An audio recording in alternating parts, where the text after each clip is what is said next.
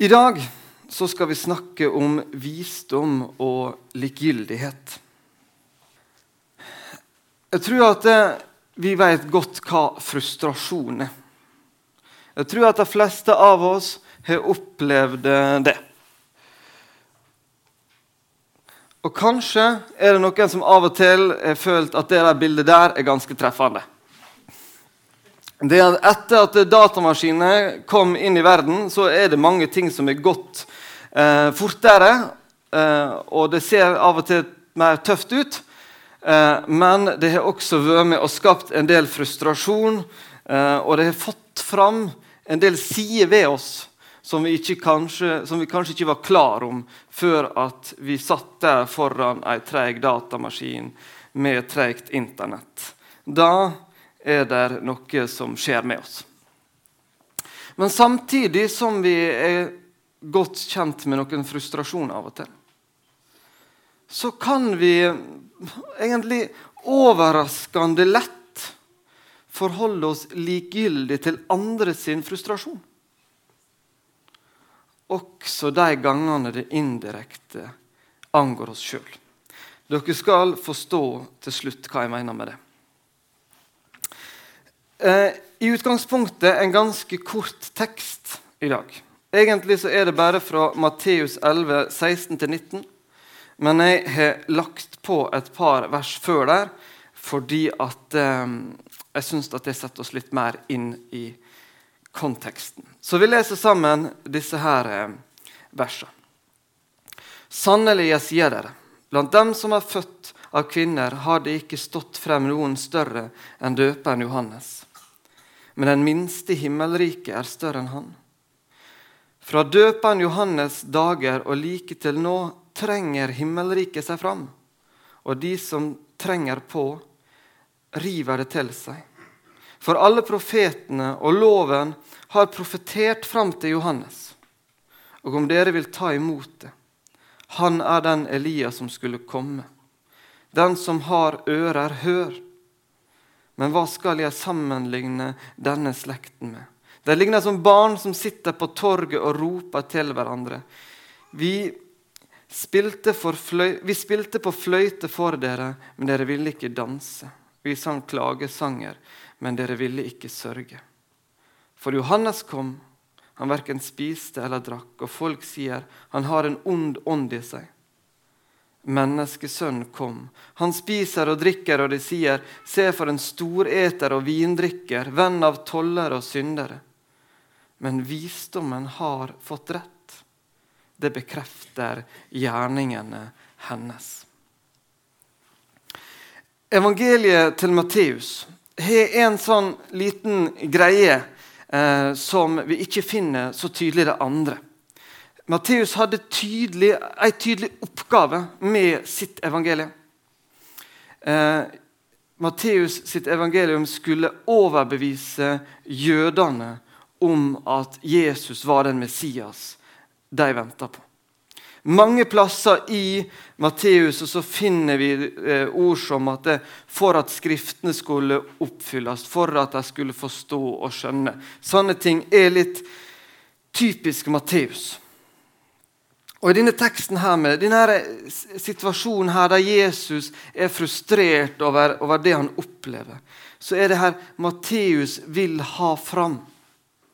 At det, dere må skjønne og forstå hvem var det Johannes var, hvem var det Jesus var. Dere venta på dette her i lang tid, og så har ikke dere forstått Jesus er både sint og frustrert. Vi kan se Det det er egentlig sjelden vi får det så tydelig fram. Her står han og er oppgitt over det som har skjedd. Vi skal bruke et par minutter bare på å si litt om disse her to. Døperen Johannes. Han var, en, han, var født av Zakaria. Eh, altså Zakaria var far, og Elisabeth var mor. Zakaria var prest. Det skjedde en del spesielle ting rundt den fødselen hans. Faren Zakaria mista muligheten til å prate en stund. Og, ja. Johannes og Jesus var også slektninger. Og De hadde vel profetert fra f.eks. Jesaja 40, så står det om at det skal komme en sånn som Johannes. Så folk hadde grunn til å forstå at det var noe med denne mannen her. Han, han levde ute i villmarka som en villmann. Spiste honning, villhonning og litt forskjellig. Um, og så var han veldig direkte med folk. Prata rett til dem og sa dere må vende om. Dere må tro på Jesus. Dere må søke um, og få tilgivelse for syndene deres. Han kunne nok uh, oppleves som litt brutal. Men slik var Johannes. Så han, han var én type som de som på en måte forsto seg litt på, på den type mennesker, burde forstå. Og så, på en måte, så kommer Jesus etterpå. På en, måte, en utall av profetier om Jesus. At det var slik han skulle komme, det var slik han skulle leve. Og I motsetning til Johannes sitt liv så levde, et, altså levde Jesus et annet liv. Han var sammen med folk, han spiste, han var i bryllup. Vi, vi, kan egentlig ane at Jesus var ganske glad i det sosiale liv. Levde helt annerledes enn Johannes. Og Så står Jesus og sier dere har sett Johannes, hvordan han levde. Og nå har dere fått sett meg. Dere sier om Johannes han, han hadde mest sannsynlig en vond ånd i seg. Og dere sier at jeg er en storeter og vindrikker. Um, hvis vi kikker litt i Gamle testamentet, så ser vi faktisk at den beskyldninga det her kommer eh, til Jesus, altså sier om Jesus, den er så sterk at det egentlig er et liv som fortjener dødsdom ved steining. Så på en måte krasse ting sier dette folket om Johannes og Jesus. De som har hatt Gamle testamentet, lest og burde være klar, de venter på at dette skal skje. Og så skjer det der rundt dem. Og så forstår ikke de det. De gjør ikke noe med det. Gud hadde gjennom århundrer brukt profeter. Brukt forskjellige personer på forskjellige måter i forskjellige situasjoner til å fortelle om dette som skulle komme.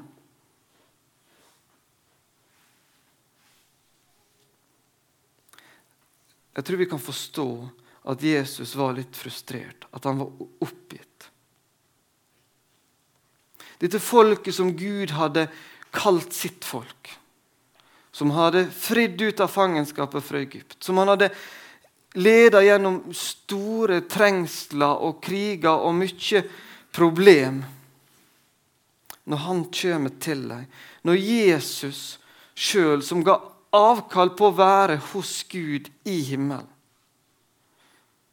Han er villig til å bli et menneske, født inn i denne verden som et lite, fattig barn.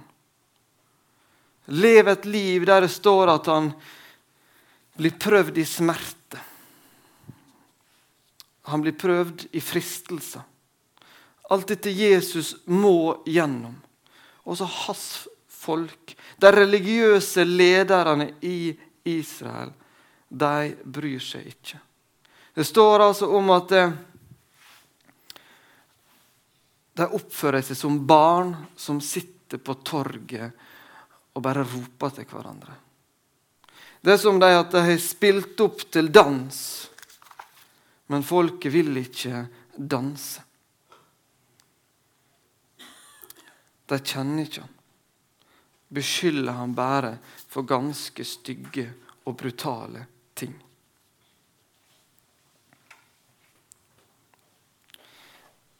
Jeg vet ikke om det bildet der sier dere noe. Men en del av oss som sitter her, har kava litt med forkjølelse i siste. Det er mange som hoster. Det fikk vi det live med. Og, og det, det klør både i nesen og det klør i øret litt forskjellig. Og En av de som også har vært litt borti dette, her, er vår datter Rebekka. Og Så blir hun tett i nesen om natta, og så våkner hun. Og så vekker hun seg sjøl, og så vekker hun foreldrene sine. Og så Bare et par meter fra senga hennes så står det altså en nesespray. Og Vi har ved et par anledninger klart å fått det i henne og sett at det gjør underverk. Men Rebekka kan ikke få dra den nesesprayen. Det er det verste hun vet. Hun er villig til å slåss og sparke og hva som helst for å unngå at de skal få i henne den der nesesprayen. Og Da er det ganske frustrerende som foreldre å på en måte se på henne som er så tett at hun ikke får puste skikkelig om natta, og vekke seg sjøl og vekke foreldre. Så vet vi at ett sprut med den der i hver nesebor det kunne gjort at både hun og foreldra fikk ei god natts søvn. Men hun vil ikke. Kanskje du syns det var et uh, dårlig bilde.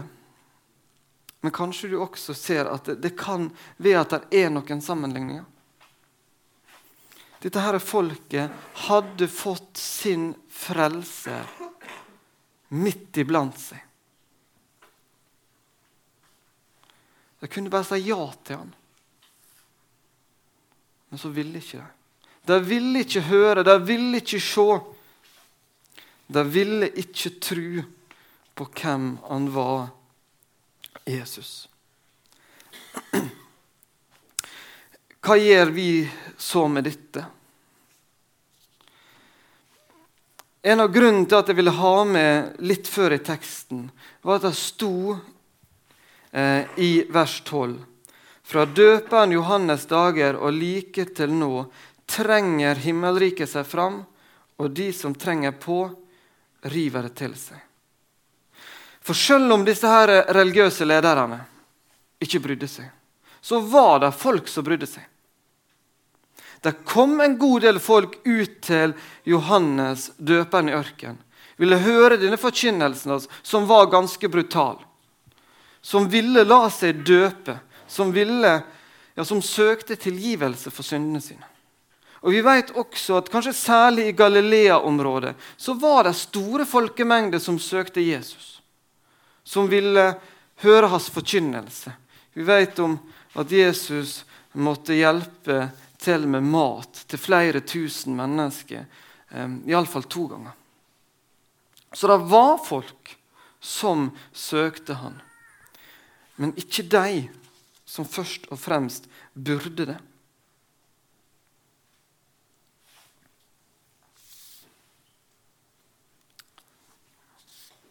Dette her bildet her, det er henta fra en video som ligger på framsida om du går inn på nlm.no. Det er en video fra kveldsmøtet på UL onsdag kveld nå i år. Hun jenta der hun spiller Maria. For onsdagskvelden på UL i sommer, da var det jul. Vi feirte jul på UL i sommer.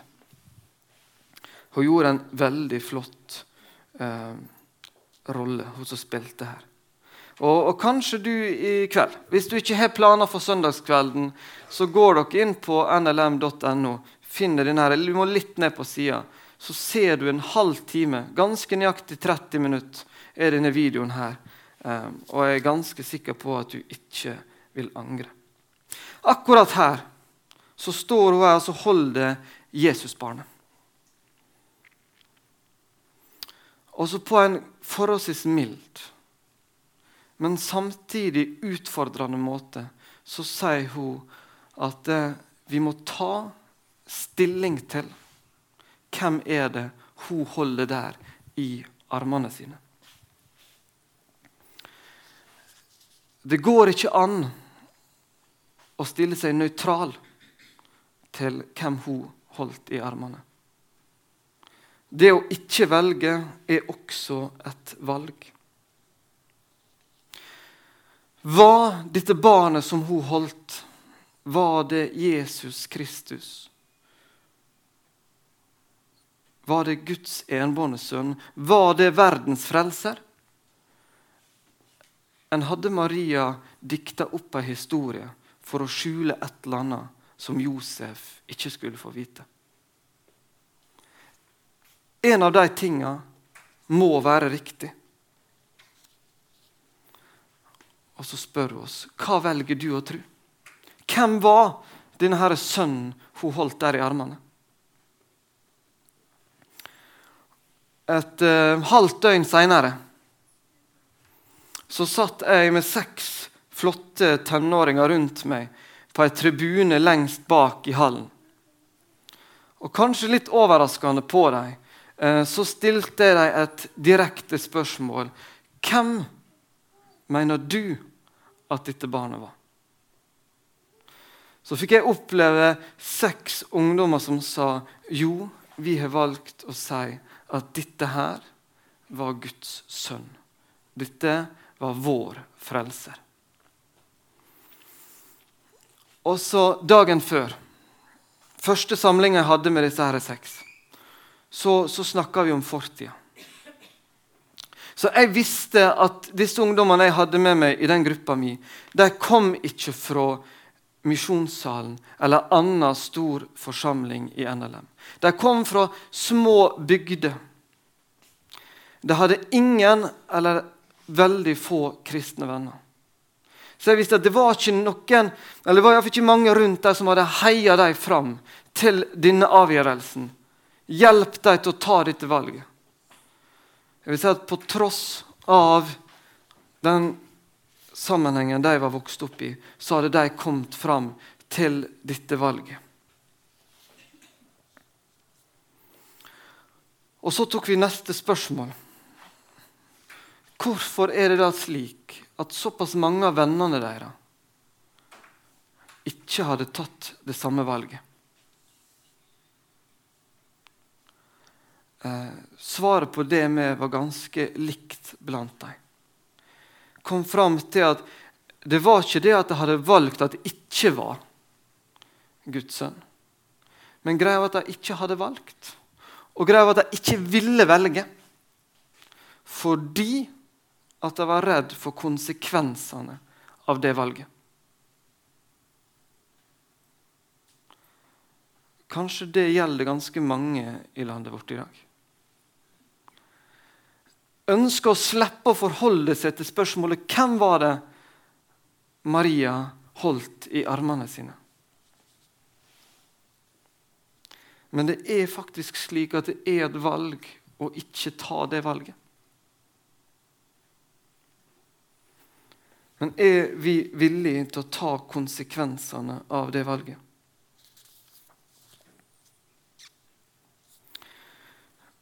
Kanskje tenker du at eh, du var blant de som ble beskrevet der i vers 12? Av de som var så kjempeglad over at det kom denne nyheten, reiv til deg informasjon om hvem var Jesus, og fort tok valget at han vil jeg tro på. Eller kanskje det går an å også komme fram til samme resultatet på en litt mer forsiktig måte.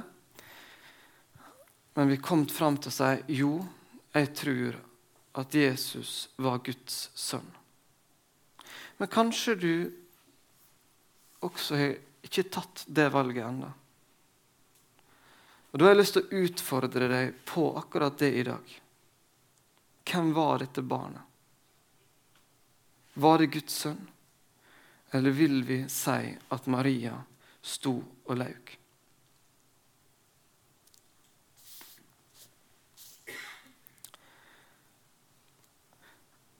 Teksten vår avslutter med å si men visdommen har fått rett. Det bekrefter gjerningene hennes. Sannheten er faktisk at vi veit enda mer enn hva disse jødiske lederne visste. De hadde fått sett Johannes. De hadde fått sett Jesus, hørt ham forkynne. Men de hadde på det tidspunktet ikke fått sett at profetiene stemte bare med livet. Men profetiene om Jesus stemte også om hans død og seier over død. Da Matteus satte dette her ned på papir, eller hva han satte det ned på, så kunne han skrive akkurat det her. Men visdommen har fått rett. Det bekrefter gjerningene hennes. Ser dere at eh, visdommen står med stor V? Det er ikke sikkert han gjør det i alle biblene deres. Men han gjør det eh, i den 2011-utgaven til Bibelselskapet. Og jeg vil si at han gjør det med god grunn. Dere kjenner kanskje til starten på Johannes-evangeliet. Da Johannes skriver ordet, om ordet som kom. Ordet som hadde kommet til mennesker, ordet som hadde vært med Gud, ordet som hadde skapt. Ordet var Jesus. Så kan vi gå til ordspråka, særlig kapittel 8 og kapittel 9. Så kan vi finne om visdommen akkurat det samme. Visdommen var i starten. Visdommen har vært fra begynnelsen av. Visdommen har skapt. Visdommen, ordet, Jesus, hadde fått seire, hadde vunnet. Visdommen fikk rett. Så profetiene altså stemte hele veien.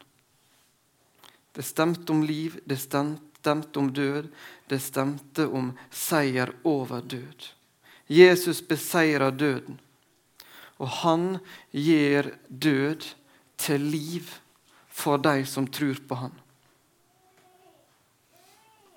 Så det er ikke bare Maria som står der med barnet og spør om vi tror på henne. Men Jesus står der også med naglemerker i hendene. Og så sier han at 'jeg har dødd for dine synder'.